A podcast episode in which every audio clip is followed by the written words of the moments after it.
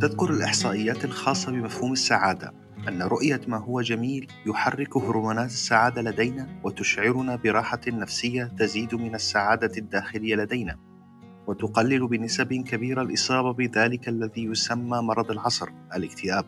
لذلك حلقتنا هي حلقة خاصة هي عن التصميم. التصميم ذلك الفن الذي يتصف محترفوه بمستوى عالي من تذوق الجمال هو ذلك الفن الإبداعي الذي يحتاجه الجميع بلا استثناء برأيكم من هو المصمم المبدع والعادي وما الفرق بينهما؟ ما الذي يميز التصميم الإبداعي عن الجيد عن العادي من وجهة نظرك؟ ما هو الفرق بين الشعار الجميل والشعار الفعال؟ لماذا بدأت مؤخرا الشركات العالمية بتجديد العلامات التجارية لها؟ ما هي استراتيجية العلامات التجارية للشركات؟ هل العلامة الشخصية الرقمية جزء لا يتجزأ من تسويق الذات الرقمية؟ وهل أصبحت حاجة أم ضرورة أم هدف؟ كيف اقتحم أكثر من عمل في مجال التصميم عالم التسويق؟ ولماذا؟ ما هو تأثير الذكاء الاصطناعي على المصممين وأعمالهم ونتاج أفكارهم؟ أسئلة تراود الكثير منا نتحدث بها اليوم مع أحد محترفي هذا الفن الجميل معنا اليوم المصمم المبدع المهندس محمد سلوايا ودردشة على طاولة مفرق قهوتنا. هذا أسامة ألطنج يحييكم في بداية حلقة جديدة من بودكاست قهوة على المفرق. نهارك سعيد أخي محمد ونورتني بعد طول غياب لحكينا مع بعضنا أهلا وسهلا فيك. نهارك سعيد نهارك سعيد شكرا لك. أخي محمد خلينا نبدأ في البدايات. نحكي على بما أنه تخصصك الأساسي في مجال ال design والتصميم. آه، ولل design أو التصميم تعريف كثيره من خبرة محمد سلواية شو تعريف ال design أو التصميم حسب تجربتك الشخصية؟ جميل. هلأ آه هذا هذا السؤال تحديدا آه هو سؤال جدلي. كثير ناس بيعرفوا التصميم على إنه فن. في بعض الناس بيعرفوه على إنه علم وفن. لكن أنا شخصيا بفضل أعرف التصميم على إنه علم. هو علم قائم على حل المشكلات. التصميم ليس فقط هو المصمم الجرافيكي مثلا مثل ما كثير ناس ممكن يفكروا وإنما المهندس مثلا هو مصمم. ال product designer هو مصمم. ال architecture engineer هو أيضا مصمم. أي شيء أي تصميم خلينا نقول منحل من خلاله مشكلة هو بالنهاية بيتبع للتصميم. آه، فمثلا ال product designer خلينا نرجع للبدايات ايمتى بلش التصميم. بالعصور الحجرية آه، كان الإنسان الأول آه، بحاجة لأدوات يستخدمها. فصمم الأدوات اللي هي على شكل سكين لحتى آه، أو الفأس أو إلى آخره لحتى سواء يصطاد أو يقطع أو إلى آخره. فهذه الأمور كانت تصاميم أصلا. اليوم التصميم تطور تغيرت أشكاله هلأ في تصميم الويب في تصميم ال products في تصميم ال graphics في ال branding design كذلك الأمر. فهو خلينا نقول هو تجمع للعلوم المختلفة. والفن تحديدا ممكن يكون أحد العلوم المستخدمة داخل التصميم لكن ليس هو التصميم بحد ذاته. طبعا آه، مثال على ذلك آه، شركة إيكيا. شركة إيكيا تصاميمها جدا بسيطة ما بتخضع لأي شكل من أشكال الفن. آه، الهدف منها هو حل مشكلة وفعلا هي بتحل مشكلة. وهذا يعني الدليل على ذلك هو نجاح الشركة.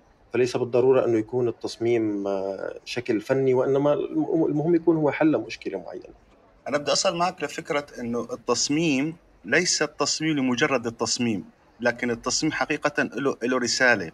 يعني التصاميم الآن الموجودة إذا أخذناها من الناحيه التجاريه كعلامات تجارية آه، كبراند كماركة كلوجو صار إلى إلى معاني كثير آه، وصلت لحتى فكرة الهوية البصرية تبدأ من اللوجو من التصميم الأساسي للوجو فهو له هدف ورسالة يوصلها صاحب التصميم للشخص المتلقي. صح بحكي أنا هالفكرة؟ هلأ آه، رسالة التصميم مثل ما ذكرت من شوي بالتعريف هو حل المشكلة. التصميم اللي ما بيحل مشكلة هو تصميم فاشل. لو كان شكله خلينا نقول غير آه، مميز جدا أو غير آه، مبدع جدا. وبالوقت نفسه التصميم الجميل ليس بالضرورة هو تصميم ناجح. رسالة التصميم الأولى هي حل المشاكل المختلفة بمختلف المجالات. لما نحكي هلأ على ال brand بما باعتبار إنك ذكرت موضوع الشعارات وال branding design آه، الشعارات تحديدا هي عبارة عن indicators أو دلال دلالات للعلامة التجارية نفسها. هو هو الوجه إذا كانت ال brand هي عبارة عن الجسم البشري كاملا. هو أول شيء بيخطر على بالك وتتذكر brand معين لكن الشعار ليس فقط هو كل ال brand فإذا كان الشعار ما بيخدم الهدف من ال brand فهذا الشيء ممكن يأثر على كل ال brand. وبنفس الوقت كذلك إذا كان شعار ممكن يكون برأيك أو برأي الناس جميل لكن آه، ما ماشي على سوية واحدة أو بتوازي مع ال brand ككل واستراتيجيتها فهذا ليس بالضرورة إنه يكون شعار ناجح.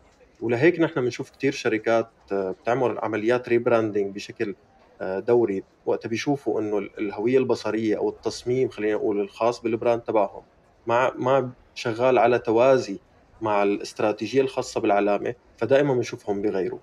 ف يعني تركيزهم ما بيكون على الشكل ومثال على ذلك كان هوية باسكن روبنز الهوية السابقة كانت أجمل كجمالية لكن ما كانت بتخدم الاستراتيجية الخاصة بالعلامة. لذلك قاموا بتغييرها لتوجه جديد كلاسيكي أسلوبه كان retro آه، لأنه بيخدم استراتيجيتهم بيخدم آه، التطلعات وال vision تبعهم. فمثل ما قلت لك الهدف من التصميم ليس الجانب الجمالي. الجانب الجمالي أكيد مهم أنا ما عم أنفي ذلك ابدا. لكن إذا تسألني ال functionality أو الوظيفية أهم أم الجمالية؟ فبقول لك دائما الوظيفية ومن ثم تأتي الجمالية. وطبعا التصميم الأفضل هو اللي بي اللي بيجمع الاثنين مع بعضهم. ولذلك الحين يعني أو خلينا نقول في فرق آه، واسع بين شعار جميل وشعار فعال وناجح. صحيح. يعني الشعار الفعال هو اللي بيرسخ في في بيكون عنده رسالة وله هدف وبصل بشكل عام للمتلقي بشكل كتير كبير وصعب النسيان له. الشعار الجميل أوكي شفت جماله شفت جماليته فقط لكن لم لم يؤثر فيك هذا التأثير. صحيح. هلا آه، مميزات الشعار الناجح في عدد من المميزات. اول خاصية خلينا نقول هو البساطة لأنه أنت كل ما كان الشعار معقد كل ما كان له أشباه كل ما كان صعب تذكره لدى الشريحة المستهدفة. فأنا وقت بشوف شعار مثلا فيه خمس أو ست أو عشر عناصر أنا ممكن أتذكر واحد منهم لكن هذا العنصر أكيد ما راح يكون يميز العلامة ككل. بينما وقت بتشوف شعار مكون من عنصر أو اثنين أو ثلاثة مثلا. خلينا نعطي كمثال نايكي أو أبل أو أديداس مثلا. شعاراتهم جدا بسيطة لدرجة غير معقولة. لكن إذا هلأ نحن عم نحكي هلأ أنت شايف الشعارات بدون ما تشوفهم صحيح؟ صحيح طبعا. بسبب تميزهم وبساطتهم. هذا النقطة الأولى البساطة. النقطة الثانية هي موضوع الديستنكتيفيتي أو التميز. آه، البساطة الوحدة البساطة سلاح ذو حدين. إذا كان الشعار كتير كتير بسيط دائرة أو مربع فقط بدون أي عناصر أخرى فهو غير مميز. لكن لازم يكون في لمسة تميز هذا التصميم بحيث يكون بسيط يكون ببساطته معقولة ما يكون معقد ما يكون جدا بسيط بشكل يعني over وكذلك يكون مميز في عنصر يميزه في آه لو شيء بسيط جدا يميزه. هلأ أبسط شعار يمكن موجود هو شعار ناشونال جيوغرافيك هو عبارة عن مستطيل هو عبارة عن إطار لكن التميز بهذا الشعار ما كان إنه هو شكله كشكل إطار وإنما كان إنه هو إطار أصفر واستخدموه خلال ال communication تبعهم أو التصاميم تبعهم الموقع والمجلات وإلى آخره بشكل دائم. فبتشوفهم بيستخدموه مثلا كإطار للصورة. فهو كان في story كان في ربط والقصة كانت من خلال الإطار إنه هو بمثابة ال frame للقطة اللي آه، عم ياخذوها أو عم يظهروها. فهذا الأمر الثاني هو ال distinctivity أو التميز. الأمر الثالث هو المناسبة أو الملائمة. أنت تخيل معي مثلا آه، عندك شركة محاماة. شركة المحاماة أو خلينا نقول corporate مثلا معينة. هدول أمور جدية. فما فينك أنت تستخدم شعار يكون playful أو أو funky آه، ألوانه فاقعة كثير مثلا فوسفوري وزهري وكذا. ما بيزبط. فهذا مثلا من الناحيه اللونية من الناحيه الشكلية كذلك نفس الأمر. أنت بدك آه، استخدام خط يكون elegant خط يكون آه، قوي وليس خط مثلا funky أو اللي بيسموه مثلا السكريبت مثلا. ممكن السكريبت ينجح ببعض الحالات لكن بشكل عام في شخصية لكل عنصر من عناصر التصميم ولازم تتوافق مع الاستراتيجية ومع ال personality تبع ال brand. آه، فهون عندك موضوع الملائمة أمر جدا جدا مهم كذلك. الأمر الرابع هو إنه يكون responsive وكذلك timeless وقت بنقول responsive و timeless فأنت إذا عندك شعار اليوم هلأ بعام 2023 فأنت ما بس رح تستخدمه على ال visite carte أو على اللوحة الخارجية وإنما أيضا رح تستخدمه على السوشيال ميديا على موقع الالكتروني آه، ممكن حتى آه، لاحقا يكون على ميتا مثلا universe أو العالم ثلاثي الأبعاد اللي عم تشتغل فيه آه، فيسبوك وغيرها. فالشعار لازم يكون ملائم لأي مكان بتحطه فيه. فهذا أمر مهم أيضا. أنا الفكرة اللي ظهرت الفترة الحالية خلال العشر سنوات الماضية بدأت الشركات العالمية بتجديد العلامات التجارية لها آه، لأسباب كثيرة. وجهة نظرك كمصمم آه، كمتلقي كصانع لنوع من أنواع التصميم وهو اللوجو آه، شو الأسباب؟ ليش غيروا هالاستراتيجية في العلامة التجارية؟ تمام هذا سؤال جدا جميل. وصراحة هو كان محور رسالة التخرج تبعي. العالم بشكل عام مر بعدد من الحقب التاريخية. اللي أثرت أو تأثرت كذلك بال branding وال marketing ككل. هلأ بنرجع هون في كتاب كتير مهم اسمه Brand Flip لمارتي نيومير هو كاتب أمريكي مختص بال branding وال brand strategy وهيك. فبيقول لك إنه التسويق نفسه وال sales تعرض لعدد من الفترات الزمنية لتغيرات.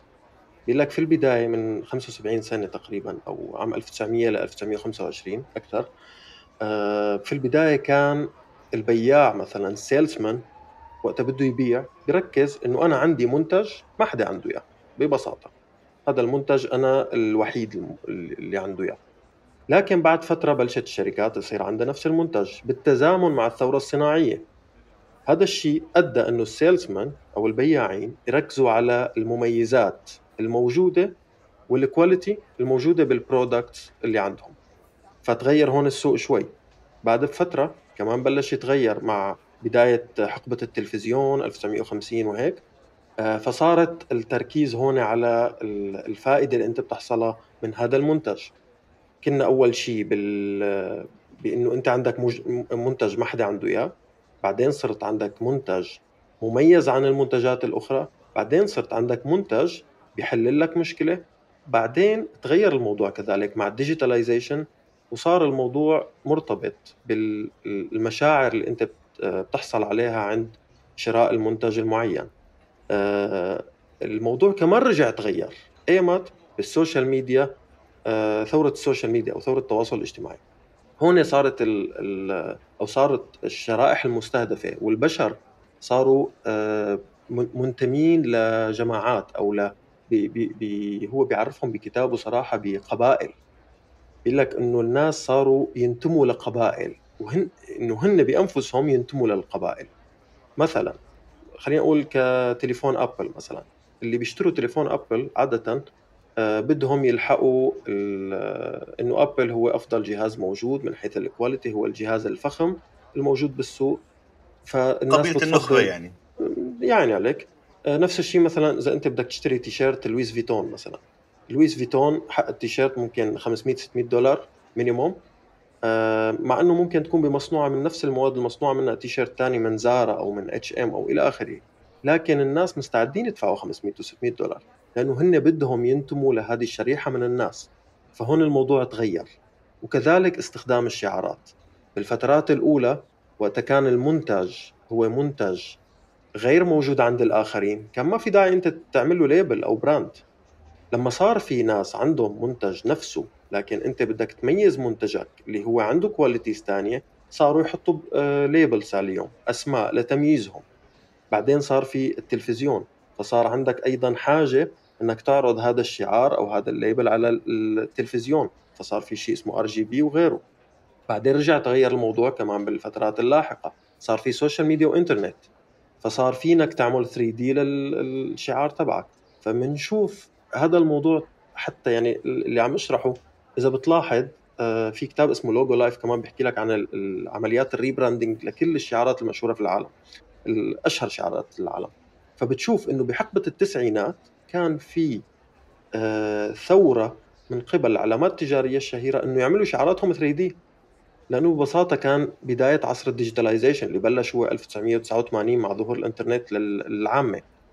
آه، هلأ مع ال social media رجع الموضوع كمان تغير.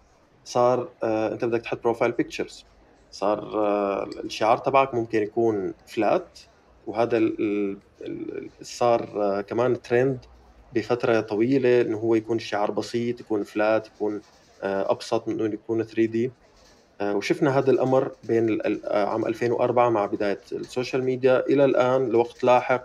أنا بتوقع يتغير بالفترة القادمة يصير في شعار flexible dynamic يكون flat وكذلك 3D عنده متغيرين مثلا. فمثل ما قلت لك الموضوع أنت بدك تكون adaptive للمحيط اللي حواليك. طبعا هذه كانت النقطة الرابعة، النقطة الخامسة هذه آه، أنا امبارح كنت صراحة آه، كتبت post عن الموضوع إنه يكون الشعار sustainable أو التصميم بشكل عام. يعني يكون قابل لل... يكون عمره طويل وكذلك يكون سهل التطوير. ما أنه تعمل عمليات تغيير كاملة فيما بعد لأنه ما أنه adaptive وهذا الأمر بده يكون من خلال التخطيط الصحيح والوضع الاستراتيجية الصحيحة توقع المستقبل بشكل صحيح. آه، موضوع الجمالية لما نقول نحن ديستنكتيف اللي هي العنصر الثاني من عناصر الشعار المميز إنه يكون مميز أكيد ما قصدنا يكون مميز بشكل سلبي أو بشكل بشع. فالجمالية أكيد بتساعد على آه، خلينا نقول حب الناس للشعار وتميزه مثل شعار نايكي مثلا. بيعطيك إحساس بالسرعة بالقوة بالحماس كذلك الأمر. هو أصلا كمعنى شعار نايكي هو جناح لأحد الآلهة اليونانية السابقة له علاقة بالرياضة والتباري كذلك.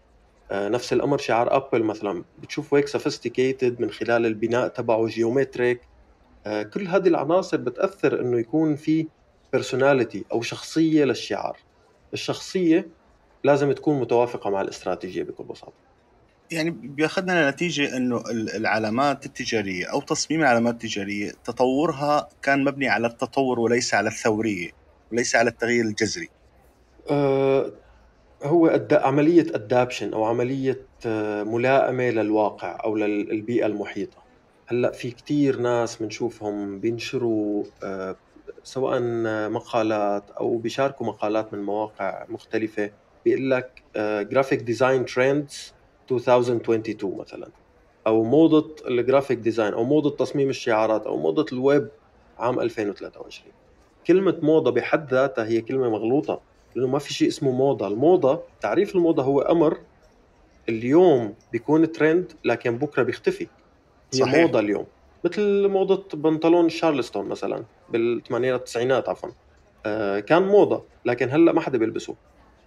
فأنت وقت بدك تقول ترند على شيء حساس مثل هذا آه، اللي هو عملية تصميم العلامات التجارية والشعارات أنت كأنك عم تقول لصاحب ال business أو للعميل تبعك إنه أنا بدي أعمل لك شيء trendy يصلح معك اليوم لكن بكرة ما راح يصلح لأنه اليوم هو موضة. فالكلمة بحد ذاتها غلط. فمثل ما قلت لك هو عملية ملائمة عملية تعايش مع البيئة المحيطة وتوقع للمستقبل. الموضوع مستدام بشكل كامل قابل للتوقع للمستقبل بشكل كبير. وهذا الشيء بنشوفه من خلال كثير علامات تجارية. شعارهم هو نفسه أو خلينا نقول له زمان كثير نفسه ما تغير. مثل أبل مثل نايكي مثل آه، أديداس كذلك الأمر. عندك مثلا مرسيدس. مرسيدس من أقوى العلامات التجارية شعارها نفسه. صحيح. يعني تغييرات كثير بسيطة كانت فيه. عمليات retouch أو refreshment ما أكثر يمكن آه، في مقولة يعني أنا عجبتني لصديقك البروفيسور المصمم العراقي العالمي ريان عبد الله. التصميم الجيد مثل العطر الذي لا يختبئ. صحيح صحيح. الفكرة التعبير جدا رائع في التعبير عن عن التصميم. هو صراحة الدكتور ريان يعني من من أروع الناس اللي عندهم مقولات رائعة. حتى له مقولة بالشعارات هي صراحة بالنسبة لي هو التعريف الأوفى للشعارات رغم أنه هو التعريف الأقصر. في كتير تعاريف للشعارات لكن تعريفه كان صراحة رائع. تعريفه كان هو أكبر فلسفة في أصغر مساحة. ست كلمات لخصت لك كل الشعار. هو أكبر فلسفة فلسفة الشركة فلسفة العلامة التجارية ككل آه، فلسفة آه، المظهر تبع ال personality ال positioning كله في أصغر مساحة في شكل كتير صغير. هذا الشكل لازم يمثل كل شيء في الشركة. أنت جربت العمل مع الوكالات العالمية. كيف بتقيم هاي التجربة بالنسبة لك؟ هلأ آه، موضوع العمل بوكالات أصلا آه، هو من المواضيع المهمة جدا. في كتير ناس للأسف آه، بفضلوا العمل ك freelancers. فهذا الشيء بيؤدي بيؤدي إنه أنت ما تحصل على خبرات الآخرين اللي بيشتغلوا معك. أنت لما تشتغل بوكالة بغض النظر عن حجمها فأنت عم عم تشتغل مع أناس آخرين وبالتالي عم تشارك وجهات النظر عم تشارك الخبرات معهم. هذا الشيء أكيد بيطورك وبيطورهم. وطبعا معدل التطور مرتبط بكثير أمور منها مثلا آه، خلينا نقول تواضع الشخص أو تواضع الإنسان. كل ما كنت أنت متواضع أكثر كل ما تعلمت أكثر لأنه ما راح تخجل تسأل أي سؤال مهما كان بنظرك أو بنظر الآخرين غبي. آه، كذلك آه، راح تكون منفتح إنك تتعلم دائما من الآخرين. هذا الأمر صراحة لا يقدر بثمن إنك تشتغل مع فريق بشكل عام. هلأ آه، أنا ما بخفيك أنا ما اشتغلت مع وكالات آه، يعني عالمية مثل ما تفضلت وإنما أنا اشتغلت مع شركتين في تركيا آه، ومن ثم شركة في السويد قبل ما أفتح شركتي الخاصة عام 2017 فالفكرة أنا اشتغلت قبل هذه الفترة كفريلانسر ومعدل التطور كان جدا منخفض. يكاد يكون معدوم يعني أنت لأنه أنت عم تعيد نفسك دائما. ما عم ما عم تشارك خبرات ما عم تتعلم. آه، لما تشتغل بفريق الموضوع كتير كتير بيختلف معك آه، وكل ما كان يعني آه، حتى في كتير أمور أيضا بتساعد مثل موضوع الدراسة الأكاديمية صراحة. كتير ناس ما بتوافقني لكن أنا يعني جربت هذا الأمر وشفت الفرق. أنا درست دراستي الأكاديمية بالتصميم تحديدا. أنا بالأساس درست هندسة ميكانيك تصميم وإنتاج لكن كان مختلف تماما عن مجالنا. درست أنا التصميم في جامعة يونشبينغ عام 2018 فقبل 2018 ليس كما بعدها بدون مبالغة لأنه أنت لأنه كان تصميمي بشكل عام يعتمد على البصر فقط. هذا جميل أو لا؟ فقط لا غير. والتصميم مثل ما حكينا ببداية اللقاء التصميم أبعد ما يكون أنه هو مجرد شكل جميل.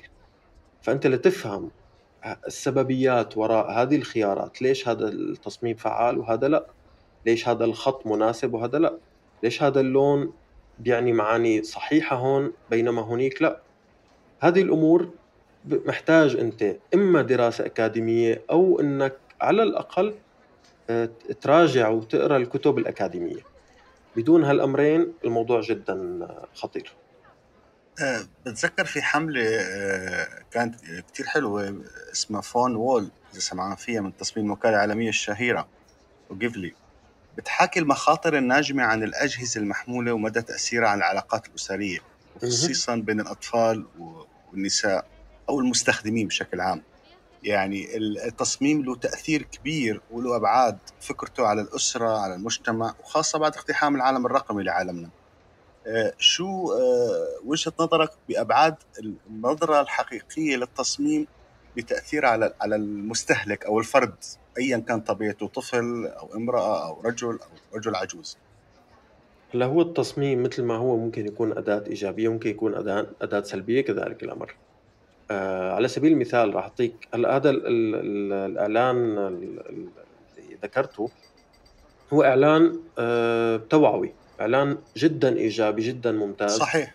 آه الهدف منه أكيد إيجابي لكن بالمقابل في عندك تصاميم أنا بشوفها سيئة من خلال ما, ما سيئة من حيث الفعالية. ركز معي. تيك توك مثلا تطبيق تيك توك هو تطبيق آه يعني كتصميم هو فعال جدا ك user experience هو فعال جدا بيخليك تعلق تفتح الموبايل تضل ساعة بدون ما تحس. لكن بالموضوع السلبي تبعه إنه آه، هو بيشاركك أيضا أمور سلبية بيخليك تشوف أمور سلبية بيدخلك على أمور سلبية لأنه هو من مصلحته هيك يصير. لأنه من مصلحته يخلي أمور سيئة تكون فايرل أو تنتشر آه، بشكل فيروسي بين الناس. وهذا الشيء بيؤدي لأمور كثير خطيرة. شفنا حالات انتحار شفنا أمور كثير سيئة. آه، كذلك الأمر أنت قادر تتلاعب بالناس مثل ما صار بالانتخابات الأمريكية مثلا. أنت قادر تتلاعب بالرأي. آه، بكتير أمور هلأ بكتير بلدان عم نشوف يعني حملات بروباغندا كتير ضخمة عم تصير. من خلال تصاميم موجهة أكيد عم تكون لتركز على شيء هن بدهم إياه. مثل في صورة انتشرت من فترة هيك مجرد هي صورة هز هزلية كانت. كاريكاتير بتورجيك مثلا شاشة كاميرا عم تورجيك شخص جاي بده يقتل واحد. بينما هي آه، بالأساس بتكون بالعكس شخص عم ينقذ هذا الشخص. فالميديا بشكل عام وليس التصميم فقط يعني هو أداة ذو حدين. صحيح. الآن مع التطور التقني الموجود ودخلنا الترند الذكاء الاصطناعي خلال الفترة الماضية وتأثيره على التصميم والمصمم والعمل الإبداعي الإنساني. هل ممكن استبدال المصمم بالذكاء الصناعي؟ أنا من وجهة نظري لا بس أنا حاب أسمع وجهة نظرك. تمام. أه سؤال جميل جدا. هلا الذكاء الصناعي أه في البداية هو أداة وليس بديل.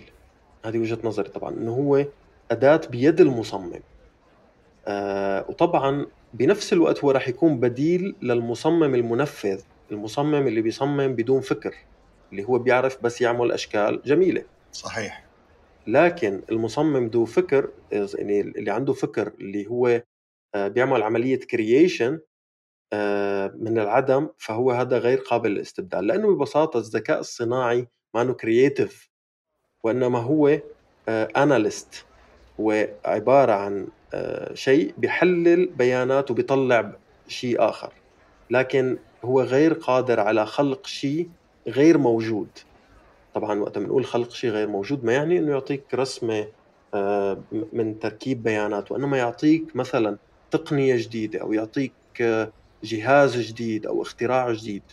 ما ثبت وصار. هو قادر يعمل لك عملية تحليل بيانات جدا مرعبة يطلع لك نتيجة بناء على هذه البيانات فقط. لكن العقل البشري مختلف تماما. ممكن هو أضعف بتحليل البيانات لكن هو أكيد creative وهذه الصفة غير موجودة لدى الآلة. فالمصمم إذا كان creative مصمم بيصمم بفكر بيصمم بإبداع حقيقي هو غير قابل للاستبدال مهما تعددت الأساليب. لكن أنا بقول لك مهنة التصميم أكيد رح تصير آه خلينا نقول منوطة بعدد من الناس يعني تنخفض عدد المصممين لأنه ببساطة المصمم المنفذ رح يتم استبداله. صحيح مثل مثل البرمجيات الموجودة الفوتوشوب والكورل درو أتوكاد هي برامج ساعدت مثل ما قلت أداة لمساعدة صاحب الفكر اللي هو عم بنفذ أساسا. تماما. يعني نفس الطريقة بس الناس ما بعرف ليش أخذتها بشكل إنه يا خلص ما بقى في عندنا هالمهنة ما بقى في أخذ الذكاء الصناعي مجالنا نحن عندنا برا شغل. الفكرة هاي الحقيقة يعني طالعه بقوة للأسف الشديد. صحيح. مثل آه، كمثال على ذلك من مجالنا نفسه في السابق ما كان في كمبيوترز ما كان في أصلا صح. هالادوات اللي تصمم من خلالها وكان مصممين موجودين. وكان في مصممين موجودين. وما زالوا لحد الآن ما صار تماما. فبالعكس أنا بشوف الذكاء الصناعي هو أداة رائعة. بتخدمنا كمصممين. وعلى فكرة آخر مشروع اشتغلناه آه، كان اسمه سنتروم. استخدمنا فيه الذكاء الصناعي ببعض الأمور. هي أداة زي ما قلت هي أداة تطورية بتساعدني على إبداعات أخرى. إيه؟ خلينا احكي آه، موضوع المصممين على مستوى العالم العربي ما لهم تجمع؟ كان لك فكرة أنت والأخ وسيم والأخ ريان في مجال آه، افتتاح مجتمع للمصممين العرب. آه، هذا المجتمع بدأ آه، يتطور خلال هالفترة هي. ممكن تحكي لنا عنه بشكل أكبر؟ تمام جميل جدا. هلا أنا ووسيم صراحة تعرفنا على بعض من حوالي الأربع أو خمس سنوات بينما تعرفنا على الدكتور ريان من حوالي ثلاث سنوات. في البداية بدأنا أنا وسيم آه، تعرفنا على بعض من خلال group خاص بالمسوقين والمهتمين بالتسويق اسمه بنفسجي للتسويق آه، أسسه ال coach رامي عيسى. آه، بعد فترة وسيم كان already عامل بعض الفيديوهات على قناة يوتيوب فاقترحت عليه إنه ليش ما نعمل نحن مثل برنامج لتحليل الشعارات وتطويرها سمينا البرنامج Logo Dose هو عبارة عن جرعة شعارات هذه كانت ترجمته الحرفية آه، من خلالها ناخذ شعار من الشعارات ونقوم بتحليله ومن ثم إعادة تصميمه بما يتناسب مع السياق تبعه. ف يعني لاقى صراحة أصداء ولاقى نجاح فقررنا نعمل قناة كاملة نحط فيها عدد من البرامج. كان احدها Logo Dose وكان أيضا في برامج أخرى منها Brainstormers اللي هو كان لقاءات مع المبدعين في مجالنا تحديدا. آه كذلك كان في برنامج آخر هو عبارة عن course اسمه رحلة في تصميم الشعارات. آه وصراحة خلال هالفترة تعرفنا على الدكتور ريان. آه فالدكتور ريان يعني كان آه، داعم للفكرة بشكل كبير. وطدنا العلاقة. بعدين فكرنا إنه نحن بحاجة لثورة بعالم التصميم العربي. بحاجة لمدرسة تصميمية عربية. باعتبار هي غير موجودة. باعتبار العلم أصلا هو علم غربي غربي الأساس. آه، ففكرنا أنه نعمل نحن مثل جمعية أو مجتمع للمصممين. يكون مبني على الأسس العلمية الأكاديمية. آه، بشكل واضح وصريح وبنحاول نضم إلنا كل الناس اللي بيفكروا بنفس الفكر. آه، كنا منفتحين على الجميع ويعني عندنا علاقات كثير وطيدة مع منتدى المصممين العرب. أو عفوا تجمع مجتمع المصممين العرب وكذلك ملتقى المصممين في السعودية وغيرهم. و Graphic Design بالعربي في مصر وغيرهم. عدة تجمعات في مصر والجزائر والسعودية وتركيا والأردن. فلاقى الموضوع قبول كثير كبير. هلأ آه، المصمم okay بحاجة لهيك تجمع لكن هو أيضا بحاجة لحافز. فنحن لنخلق هذا الحافز. قمنا بإطلاق أول مسابقة عربية من نوعها بمجال التصميم بمجالات التصميم المختلفة. هي بمثابة أوسكار للمصممين. يقام سنويا بعدة تخصصات وعدة فئات. بتشارك فيه بمشروعك بتنافس باقي المصممين وبنهاية السنة يكون في تتويج للرابحين خلال حفل. طبعا السنة الماضية كانت النسخة الأولى لكن بسبب ظروف كورونا كانت كان الحفل الختامي ديجيتال. لكن هذا العام إن شاء الله في 6 فبراير راح يكون الحفل الختامي في مدينة القاهرة في الجامعة الأمريكية في ميدان التحرير. آه، وخلاله راح يتم تتويج المصممين الأفضل أو الوكالات الأفضل وبنفس الوقت راح يكون في أيضا آه، نقاشات آه، أو خلينا نقول panel discussions أو جلسات حوارية آه، خلالها رح يكون في مصممين معروفين عربيا وعالميا آه، يتناقشوا بأهم المواضيع الخاصة بالتصميم. فهيك الحاضرين رح يستفادوا سواء من خلال الحافز أو من خلال المعلومات اللي رح يكتسبوها خلال هذه الجلسات النقاشية. والله هذا التجمع جميل وبيفتح بوادر تعاون مشترك وبيفتح أبواب واسعة وأفاق واسعة لتطوير المجال التصميمي للمصممين. تماما هو الهدف الأساسي للجمعية هو الارتقاء بالمصمم العربي والتصميم بالعالم العربي. وخلق أول آه، خلينا نقول نواة أو مدرسة عربية حقيقية بالتصميم. آه، يعني وقادرة على المنافسة عالميا حتى مع الوقت هتصير قادرة لأنه نحن نملك إمكانيات هذا المجال.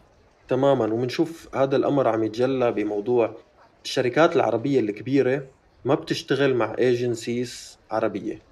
دائما بيشتغلوا مع الأجنبي. صحيح. آخرها كان ال rebrand اللي تم للنادي الهلال السعودي. rebrand مكلف ملايين. قامت في شركة اسمها Interbrand موجودة آه، في أوروبا. رغم إنه في وكالات سعودية جيدة وفي وكالات عربية جدا جيدة. ونحن شخصيا نحن باعتبار وكالتنا سويدية موجودة في السويد وأسست في السويد آه كثير عملاء كانوا صراحة يفضلوا التعامل معنا لأنه هي شركة أجنبية. هذا الشيء صراحة يعني محزن لكن ما بلوم أنا ال client أو أصحاب العمل. لأنه بالنهاية هن ما عم يشوفوا أمامهم آه، لا تسويق شخصي صحيح للعلامات أو لل agencies ولا حتى آه، عملية personal branding سواء كأشخاص أو كتجمعات ولا أيضا مدرسة عربية حقيقية بالتصميم. فعم يتوجهوا للحل المضمون اللي هو الحل الأجنبي. دخلتنا أنت عالم التسويق الآن. إذا دخلنا عالم التسويق وهو عالم إبداعي بكل ما تعنيه الكلمة من معنى سواء من الفكرة وحتى آه، التسويق النهائي للمنتج أو الخدمة أو الشركة ايا كانت. التسويق من وجهة نظرك بأنك آه، تشتغل حضرتك في مجال التسويق أيضا. شو مفهومك عن التسويق؟ آه هذا بحاجة ل لحلقة كاملة صراحة موضوع التسويق. التسويق هي عملية هي مجموعة من العمليات. هذه لهيك عم أقول لك الموضوع معقد كثير التسويق لأنه آه، ممكن يكون ل... له أسباب كثير أول شيء. أنت ممكن تسوق لمنتج لتبيعه. ممكن تسوق ل... لعلامة تجارية لحتى تخليها تصير مشهورة. فالتسويق هي مجموعة عمليات متكاملة تهدف إلى زيادة الربحية زيادة الوعي بالعلامة التجارية أو زيادة الدخل كذلك الأمر. وبنفس الوقت آه، ممكن أيضا تكون آه، أهدافها هي عبارة عن عملية مينتينز أو أو خلينا نقول تجميل صورة علامة تجارية. فالتسويق عالم هو بحر حقيقي. مجموعة من العمليات المختلفة تماما. إذا أنا بدي اسوق لمنتج لبيعه عندي process معين. وإذا بدي أعمل عملية خلينا نقول نشر الوعي بعلامه تجارية فال process أيضا مختلف. فهو بحر ف ممكن شوي نركز بتفاصيل. آه، هي الفكرة آه، وجهة نظر شخصية أنه آه، التسويق هو علم إنساني بالأخير يعني يتكلم صحيح. مع المشاعر مع العمق الإنساني. وأصبح ضرورة وحاجة ماسة لكل إنسان سواء للتسويق نفسه أو للتسويق منتجه أو خدمته أو شركته أو الشيء اللي عنده أو يمتلكه يحاول يوصله للناس. لكن أنا بشوفه إذا أخذ الفكرة التسويق من باب المتعة الشخصية فهون بيظهر الإبداع الإنساني فيه. يعني إبداع الشخص إذا اخذها كمتعة تسويق متعة في إيصال ما تريد لمن تريد. ببساطة أنا بعتبرها يعني أحد التعاريف البسيطة. آه، طبعا أكيد التسويق هو خلق حاجة عند الآخرين للناس اللي ما بيعرفوك. آه، تماما. هلأ آه، مثل ما ذكرنا بكتاب The Brand Flip فالتسويق أيضا اختلف كتير اختلفت أسبابه واختلفت آه، الدواعي له آه، فأنت ممكن تعتمد على المشاعر مثل ما تفضلت إنه المشاعر البشرية آه، حيال منتج معين أو خدمة معينة أو علامة تجارية معينة.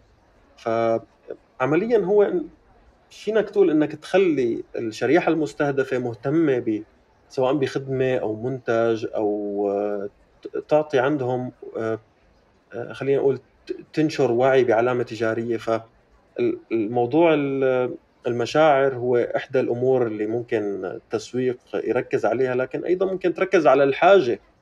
مثل ما ذكرنا إذا في منتج مثلا آه، بيركز على حاجة الناس وليس مشاعرهم فأنت ممكن تركز على موضوع الحاجة إنه أنت محتاج هذا الأمر لأنه بيساعدك على كذا وكذا وكذا. بينما في براندات مثلا بتركز على المشاعر اللي أنت راح تكتسبها مثل آه، لويس فيتون مثل ما حكينا. مثل ابل آه، مثل آه، مثلا علامات الملابس والسيارات تحديدا. أنت ممكن تاخذ لامبرجيني مثلا بأغلى من سعر مرسيدس ممكن تكون ك... ك... كأناقة داخلية أكثر بكثير لكن بسبب إنه هذه عندها صفات معينة وركابها عندهم صفات معينة وهذه عندها صفات معينة. فالموضوع صراحة جدا معقد يعني وبيعتمد على الهدف بالنهاية. هي فينك تقول أيضا التسويق هو عبارة عن عملية تصميم آه، تصميم حل لتخلي الناس يشتروا منتج أو يكونوا مهتمين بمنتج معين أو تثير عواطفهم أو مشاعرهم تجاه منتج أو حملة أو قضية معينة. هي في شغلة مهمة في جزئية العلامات التجارية وتسويقها وإنشائها إنه العلامات التجارية وأكثر العلامات التجارية العالمية تبيع قصة ولا تبيع شيء يعني في عندها قيمة معينة بتحولها لقصه يعني مثلا آه، فكر بشكل مختلف لستيف جوبز مثلا. آه، صحيح. آه، وفي مثلا شعار ولا حتى تحلم فيها لبيبسي نزلت فترة. فهي صحيح. مثلا بولورايد بتبيع الذكريات والحنين للماضي. كان Shopify كان حلم رياده الأعمال وليس مواقع الويب. فالعلامات التجارية بتبيع قصص وليس بتبيع شيء فقط لمجرد البيع. يعني في لها قيمة معينة بتحولها لقصة هاي القصة أنت بتشتغل عليها كمصمم كمسوق تصل معك لنتيجة مختلفة تماما. صحيح. هن آه، أغلب العلامات التجارية آه، بتكون مرتكزة على قصة. قصة ما بتكون هي قصة العلامة نفسها وإنما قصة الشريحة المستهدفة في حال استخدموا هذه العلامة. صحيح. هن عمليا عم يركزوا على الادد فاليو إنه أنت إذا استخدمت آه، منتجات Nike مثلا فأنت عم تاخذ الطاقة عم تاخذ الدافع. just do it يعني كأنه عم يقولوا لك wear our products and just do it بس هن ما قالوا لك ال call to action اللي هو إنه البس أو اشتري من Nike وانما just do it إنه آه، أعطوك ال motivation فورا والحماس. نفس الأمر Apple آه، عم يقول لك فكر بشكل مختلف. يعني بشكل غير مباشر. أنت إذا اشتريت أو استخدمت أجهزتنا فأنت رح تصير كرييتيف رح تصير مبدع رح تفكر بطريقة مختلفة. فالتركيز على القصة بيكون من منظور الشركة لكن أيضا بيكون آه، عم يتخيلوا أنفسهم بمحل العميل. فالعميل وقت بيشوف بهذه العلامة أو بهذا المنتج الأمر اللي بيلائمه الأمر اللي اللي بيخليه يتخيل نفسه بالمستقبل كيف راح يكون إذا استخدم هذه العلامة وقتها هو بيتم عملية الشراء. نفس الأمر أنت وقت بدك تبني brand أصلا لازم يكون في لل brand قصة مثل ما حكينا ب National Geographic صحيح. عملوا قصة من خلال مستطيل صغير أصفر فقط لا غير. صحيح. نفس الأمر أديداس من خلال ثلاث خطوط عملوا تميز بين أي منتج ثاني فالقصة أيضا آه، يعني ما بتقل أهمية عن الشعار المرسوم اللي نحن بنشوفه فعملية ال branding بشكل عام هي عملية استراتيجية بحتة. آه، إذا أنت ما عندك استراتيجي وهذا على فكرة أمر لامسناه كثير بالعالم العربي. كثير clients آه، بيجوا لعنا محتاجين هوية بصرية بنقول لهم طيب وين ال brand strategy لازم نعمل auditing لل brand strategy نحللها نشوف أنتم شو أهدافكم نشوف على أي أساس نحن بدنا نشتغل. وأغلبهم ما عندهم. طيب بدك أكثر ما بس brand strategy business plan في كثير منهم ما عندهم. هذا الموضوع جدا خطير لأنه أنت وقت ما يكون عندك استراتيجيه فأنت ما ي... هذا بيعني إنه ما عندك خطة. الاستراتيجيه هي هي خطة باختصار. هي خطة مستقبلية. فأنت إذا ما عندك خطة واضحة المعالم فهذا الأمر هو أمر جدا خطير ومهما دفعت للتسويق ومهما دفعت للبراندنج إذا ما كنت مشتغل على استراتيجية فالأمر راح يضل خطير عليك. هي فكرة التغيير للافضل هي المفهوم غير موجود لدينا للأسف. يعني عندنا فكرة الشعوب العربية متعودة على الاتكالية والكسل وال comfort zone في الرحلة المهنية للأشخاص أو حتى للشركات يعني كنظام. تقليدي متواجد. ففكرة التغيير حصلت في عدة مجالات إنسانية خلال العقود الماضية. خليني اخذها هي على فكرة على على حياته لمحمد سلواية. محمد سلواية آه، عدى في مراحل تغيير آه، استمرت حدود عشر سنوات. آه، مفهومك للتغيير وبنفس الوقت مفهومك للفشل في بعض المراحل. الفشل هو أداة للنجاح. أنت لازم تفشل لحتى تنجح. ما في أي شخص بينجح بدون ما يمر إما بفشل شخصي أو فشل الآخرين ويتعلم من فشلهم. هلا أنا بالأساس قلت لك درست هندسة تصميم وإنتاج هندسة ميكانيك. وهذا الأمر صراحة ما كان الخيار الصائب بالنسبة لي لأنه أنا ما كان عندي هال الميول لموضوع الميكانيك تحديدا. لكن بالوقت نفسه أنا استفدت إني تعلمت عدة مواد مثلا مثل مادة الوصفية والرسم الهندسي. هذه الأمور ساعدتني كثير إنه أكون دقيق ومهتم بالتفاصيل. هلأ آه عملت أخطاء كثير خلال مسيرتي. أنا بلشت بالعمل كمصمم 2009 عملت كثير أخطاء لكن آه أنا تعلمت من هذه الأخطاء. والجميل بالموضوع إنه بمجالنا أنت ما بتحصل على العميل الكبير فورا. العميل الكبير بحاجة لثقة لأنه يوثق فيك يشوف إنه أنت عامل شيء سابق قريب إله. فلذلك أخطائي كانت معظمها مع يعني مع عملاء صغار ال budget already كانت صغيرة التوقعات already كانت مش كبيرة. فهذا الشيء ما أثر علي وما أثر على العميل كثير لأنه آه، التدارك كان سهل بالنسبة لهم لكن هذا الأمر علمني وساعدني. آه، شخصيا مريت بعدد من البلدان أصلا. هذا الأمر آه، ساعدني وضرني ما بخفيك. أنا سكنت في الإمارات سبع سنين وقت كنت صغير. سكنت في سوريا حوالي 12 سنة. في تركيا سنتين ونص. في السويد تسع سنوات. الانتقال من مجتمع لمجتمع هذا بيعني إنه أنت أيضا شبكة علاقاتك تخسرها في مكان معين أو على الأقل تن تن تصير محدودة. فدائما كنت بحاجة لإنه بلش من جديد. بسوريا طلعت عمري 21 أو 22 سنة. آه، شبكة علاقاتي كلها اختفت. صار في بعض التواصل مع بعض الأشخاص بشكل ديجيتال لكن بشكل عام آه، اختلف الموضوع لأنه أنت كنت اسبوعيا أو يوميا تلتقي بناس هلأ ما بقى. فبتركيا كنت آه، مضطر أعمل شبكه علاقات جديدة. وبنفس الأمر وقت انتقلت على السويد. فهذا الأمر أكيد حصر موضوع العلاقات وهي أمر جدا مهم بالبزنس لكن بنفس الوقت خلق آه، خلق عندي جرأة.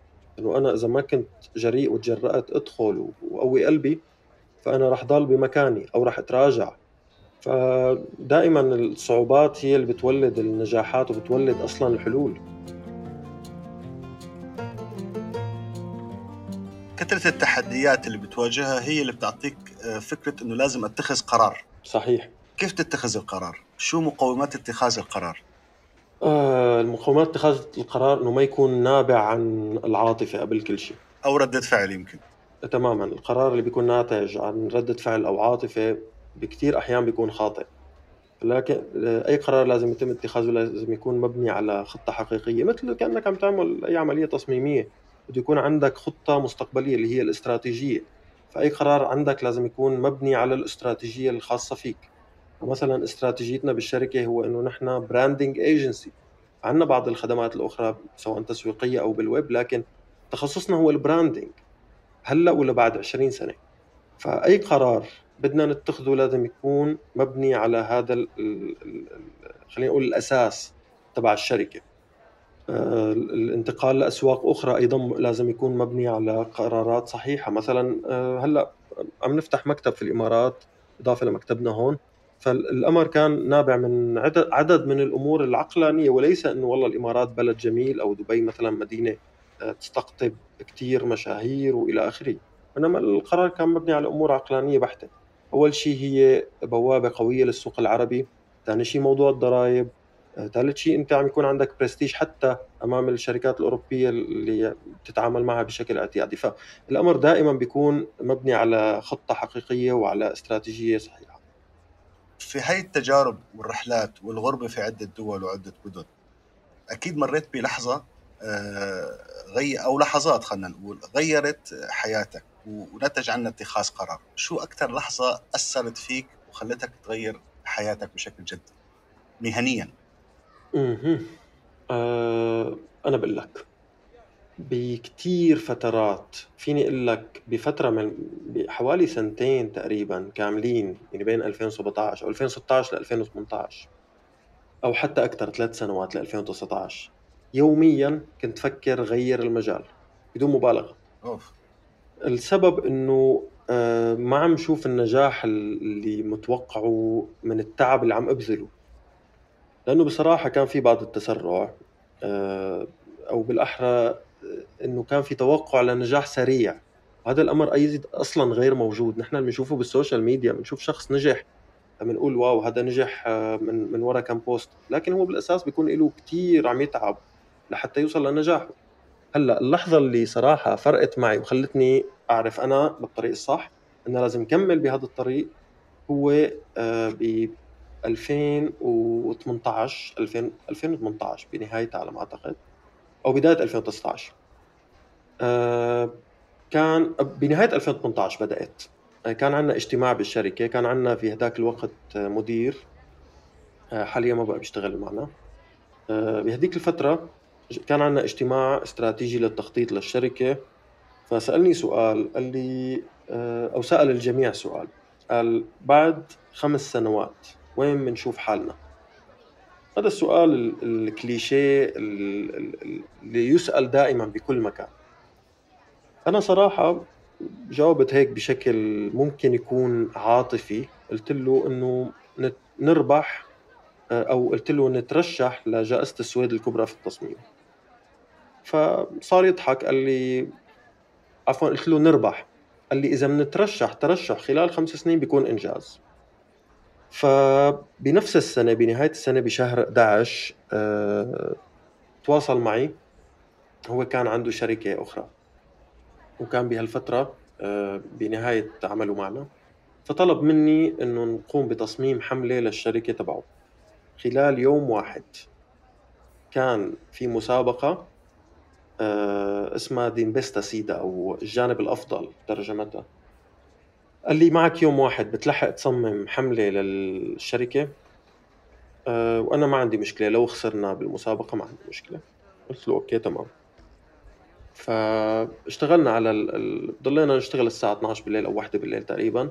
سلمنا العمل ورحنا على الحفل بشهر 2 2019 آه، وصراحة رايحين كحضور ما أكثر يعني جالسين بآخر الصفوف ولا هاممنا الموضوع. يعني حتى ما كنا يعني كنا لابسين فينك تقول بزنس كاجوال ما إنه كمان كثير مطمئنة.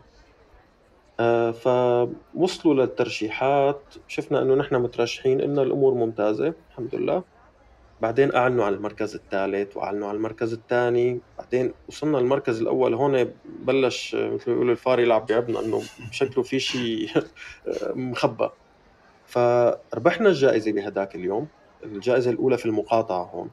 وهون أنا بلشت خطط بقى للأمر اللي تحداني فيه بشكل غير مباشر وصار يضحك علي وقتها ذكرته اللي هو الترشح أو الفوز بجائزة السويد الكبرى. بنفس السنة عام 2019 قدمنا بمشروع اسمه رافا صالونج وشاركنا وطلعنا الثالث على السويد. هون أنا بلشت شوف إنه أول شيء ربحنا الجائزة الكبرى بعدين ربحنا الجائزة الثالثة على مستوى السويد بموضوع ال branding فالموضوع يبدو صار في شيء جدي. فبلشنا نركز كثير على الموضوع نطور ال quality تبعنا. صارت المسابقات هي أمر جدا أساسي عنا. لننافس أنفسنا لننافس غيرنا لنثبت إنه في تطور مستمر. السنة اللي بعدها طلعنا الثاني على السويد. السنة اللي بعدها ربحنا الفضية على مستوى العالم بجائزة World Brand Design إضافة لبرونزية. آه، حصلنا على ست ذهبيات مثلا بجائزة بهولندا. آه، فالامر بلش فعلا يتبلور وبلش فعلا يأكد إنه أنا بهداك بهديك اللحظة. يوم آه، قررت أشترك بالمسابقة كان فعلا أفضل قرار اتخذته.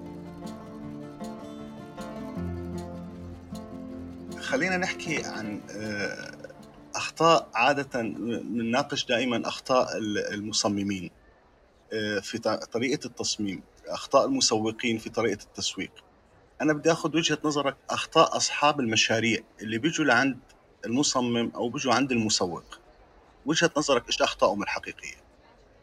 أه هلأ آه، من ناحية الأخطاء المصممين عندهم كثير أخطاء وكذلك أرباب العمل أو الكلاينتس عندهم أيضا بعض الأخطاء. هذا الأمر كان من خلال خبرة شخصية وأيضا من خبرات الآخرين اللي اللي عرفت فيها وعرفت بتفاصيلها. منها الأمر الأول مثلا آه، إنه صاحب العمل بعض الأحيان بفضل السعر على القيمة أو كذلك الجودة أو ال added value فبيكون مثلا ال business تبعه تكلفته ملايين أو مئات الملايين ببعض الأحيان. وبيستخسر على موضوع مهم جدا مثل موضوع ال branding أو موضوع ال marketing كذلك الأمر. فبيعرضوا الاستثمار كاملا لإنه يكون في خطر بسبب إنه هن قرروا يختاروا مصمم أو وكالة ذات تكلفة منخفضة على وكالة أو مصمم ذو تكلفة عالية. وهذا الأمر صراحة أنا بشوفه آه، أكبر الأخطاء اللي يوقع بيوقع فيها عادة صاحب العمل. هلا الأمر الثاني مثلا التدخل بتفاصيل العمل.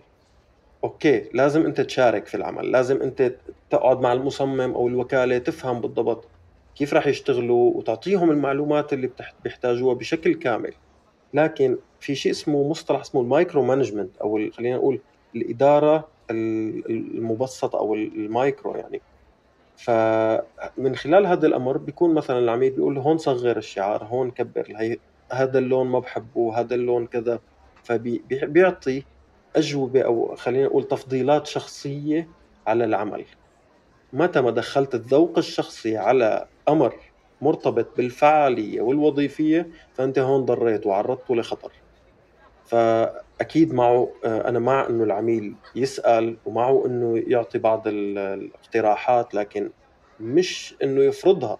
فرض الاقتراحات دون سبب منطقي دون سببية ووظيفية حقيقية هو أمر آه، ممكن يكون جدا مؤثر وسيء.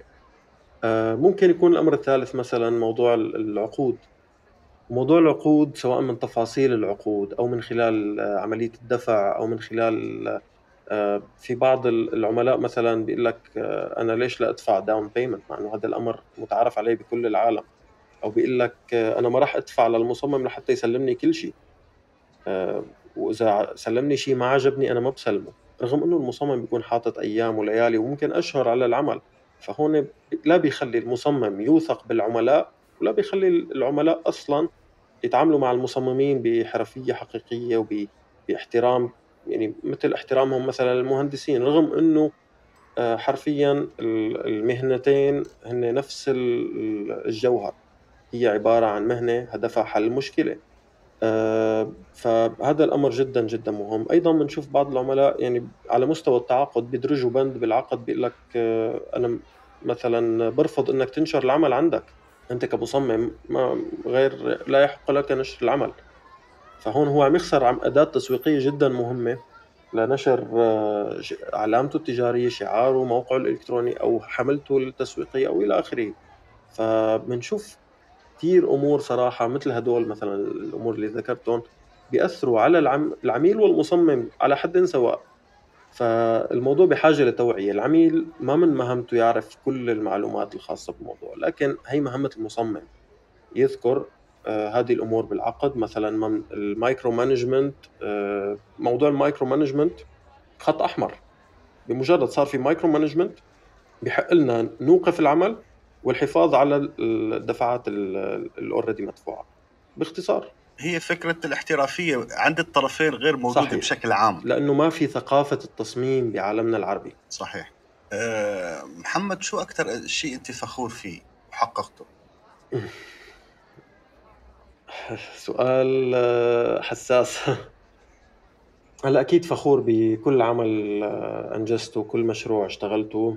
لأنه كان في وراهم تعب كبير و ببعض الأحيان آه، يعني سهر ليالي حرفيا. كذلك الجوائز اللي اللي حصلنا عليهم. لكن أكثر شيء صراحة فخور فيه هو فخر والدي فيني. لأنه والدي كان من المعارضين لدخولي لهذا المجال. ممكن لأنه كان ممكن آه، تصوره شوي أو الثقافه بالمجال كانت ضعيفة. باعتبار بالعالم العربي أصلا هي ضعيفة. فالمصمم الجرافيكي هو فنان هو هذا الشخص الرسام الكذا فنوعا ما ما كان في ثقة بدخولي بالمجال. لكن الآن أنا بشوفه آه، تغيرت نظرته صار هو حتى بيعطيني اقتراحات باعتبار هو أصلا يعني بزنس مان بالأساس. آه، ف يعني هذا الشيء صراحة بكفيني فكرة العائلة لما حكيت عن والدك أكيد العائلة هي مثل تقول المحيط الأساسي لبناء الطفل والإنسان. ومستقبله. إذا حبيت تصف والدك شو تصفه؟ بكلمة. هلا كلمة ما بتكفي. صفة بتخطر على بالك أول صفة بتخطر في بالك. سند. والوالدة؟ الوالدة ملجأ. حلو كلمة ملجأ. صفة رائعة. شو أكثر شيء بتخاف منه محمد؟ الفقد طبعا. ما في أسوأ من الفقد. أكيد يعني الإيمان موجود إنه الفقد رح يحصل رح يحصل بمختلف أشكاله لكن أكيد هو أمر بخوف. حتى بالنسبة لي بخوف أكثر من فكرة الموت نفسها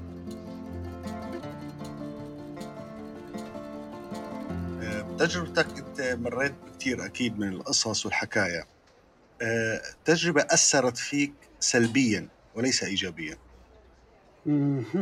هلا مثل ما قلت لك ما في تجربة اسمها تجربة فاشلة لأنه الفشل إيه، لا ما بحكي على الفشل بس أثر في لحظة لحظة سلبية أثرت عليك.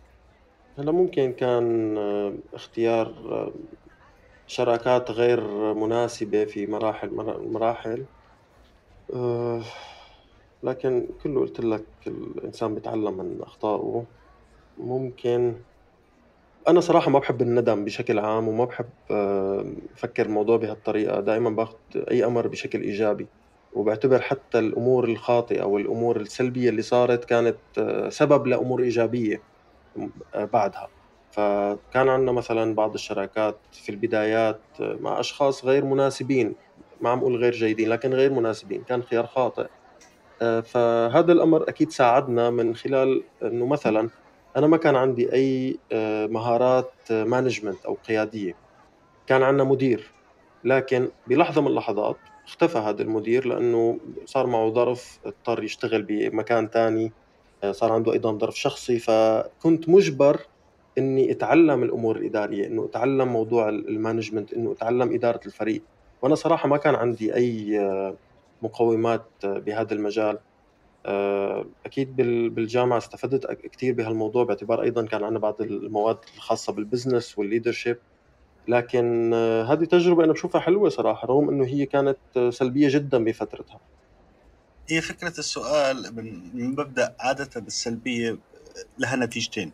يا الإحباط ودمار الإنسان لنفسه وتدميره يا أما بداية من جديد. فدائما نحن مثل ما حكينا الفشل هو أحد أهم أسلوب من أساليب النجاح. خوض التجربة هو أحد أهم قرار واحد بيتخذه في حياته. أحسن من الجلوس مكانه ما يتحرك. آه، إذا وجدت أنت فرصة في يوم من الأيام وانعرضت عليك آه، إنك تولد من جديد هل تختار نفس الحياة والاسلوب اللي عشت فيه؟ طبعا. لأنه أنا قلت لك أنا فخور بقراراتي بشكل عام. الخاطئ منها وغير الخاطئ. آه، يعني كثير أمور مثلا هي خاطئة لكن أنا لو ما ارتكبت هذه الأخطاء ما كنت وصلت للأمور الصحيحة. فأنا واثق إنه كنت آه، راح أختار نفس الحياة نفس القرارات. بالنهاية نحن أكيد ما أقدر من من رب العالمين إنه نقرر آه، حياتنا. فأنا واثق إنه كنت راح أختار نفس الحياة. إذا كنت في يوم من الأيام وأنت مسافر و... وتأخرت الطيارة في المطار وبالصدفة اكتشفت إنه في شخص اسمه محمد سلواية قاعد معك. وقعدت معه لمدة شي ساعة ساعة ونص. دردشة وأحاديث فتحت ولم تنتهي. وكل واحد سافر بالأخير لمكان. شو بتصفه ل... لمحمد؟ هذا سؤال آه، مثل ما بيقولوا من كعب الدس. ممكن أقول إنه هو إنسان حالم.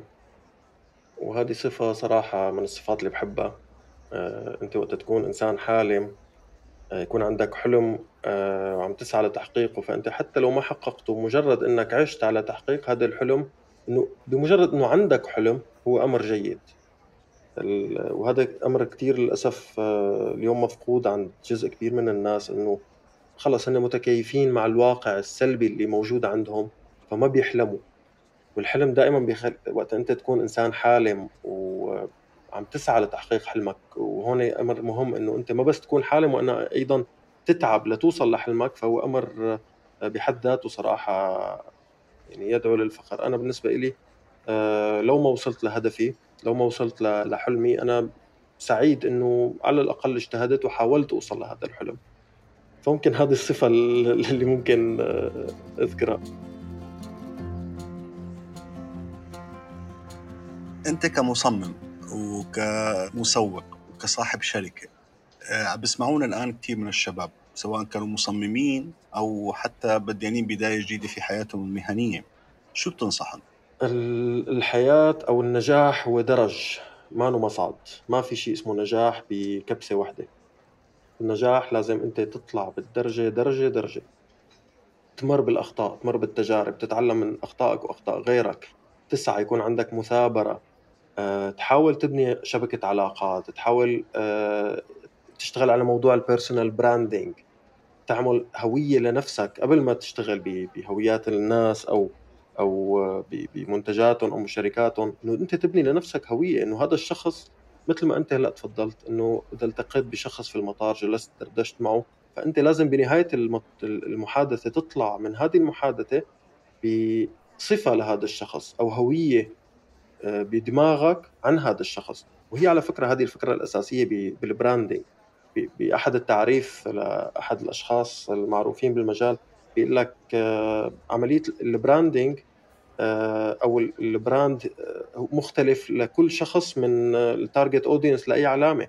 أنت ممكن تشوف هذه الشركة كحلم لك أو ممكن تشوفها كوطن أو أو ممكن تشوفها كعدو أو إلى آخره. فنفس الأمر الأشخاص. صحيح. أنت لازم بعد أي conversation أو أي علاقة مع شخص يكون عندك تجسيد لهوية هذا الشخص ببالك. فالأفضل نحن نبلش بالبداية بإنه نشتغل على هويتنا بعدين نركز على الآخرين. الحديث معك ممتع أخي محمد قيمه مضافه جدا. لما تمتلكه من خبرات ونتمنى أن يستفيد من الجميع من شبابنا الواعد في عالمنا العربي. شكرا كثير على هالوقت المميز. تشرفت فيكم يعطيك العافية. آه، سعيد جدا بهاللقاء. نحن أسعد. شكرا على وقتكم الثمين معنا وشكرا للمهندس محمد سلواية الذي تجول معنا اليوم في عالم التصميم وعلاقته بالتسويق الإبداعي. والشكر موصول للراعي الرسمي لهذه الحلقة مجموعة بي إن ماركت للاستثمار والتسويق الدولي. وكان معنا في الهندسة الصوتية الأستاذة بهيرة سحلول. تابعونا على جميع منصات البودكاست العالمية. ننتظر آراءكم ولا تنسوا مشاركة الحلقة مع أحبابكم. انتظرونا قريبا في حلقة جديدة. هذا أسامة ألطنجي يحييكم. كونوا بخير.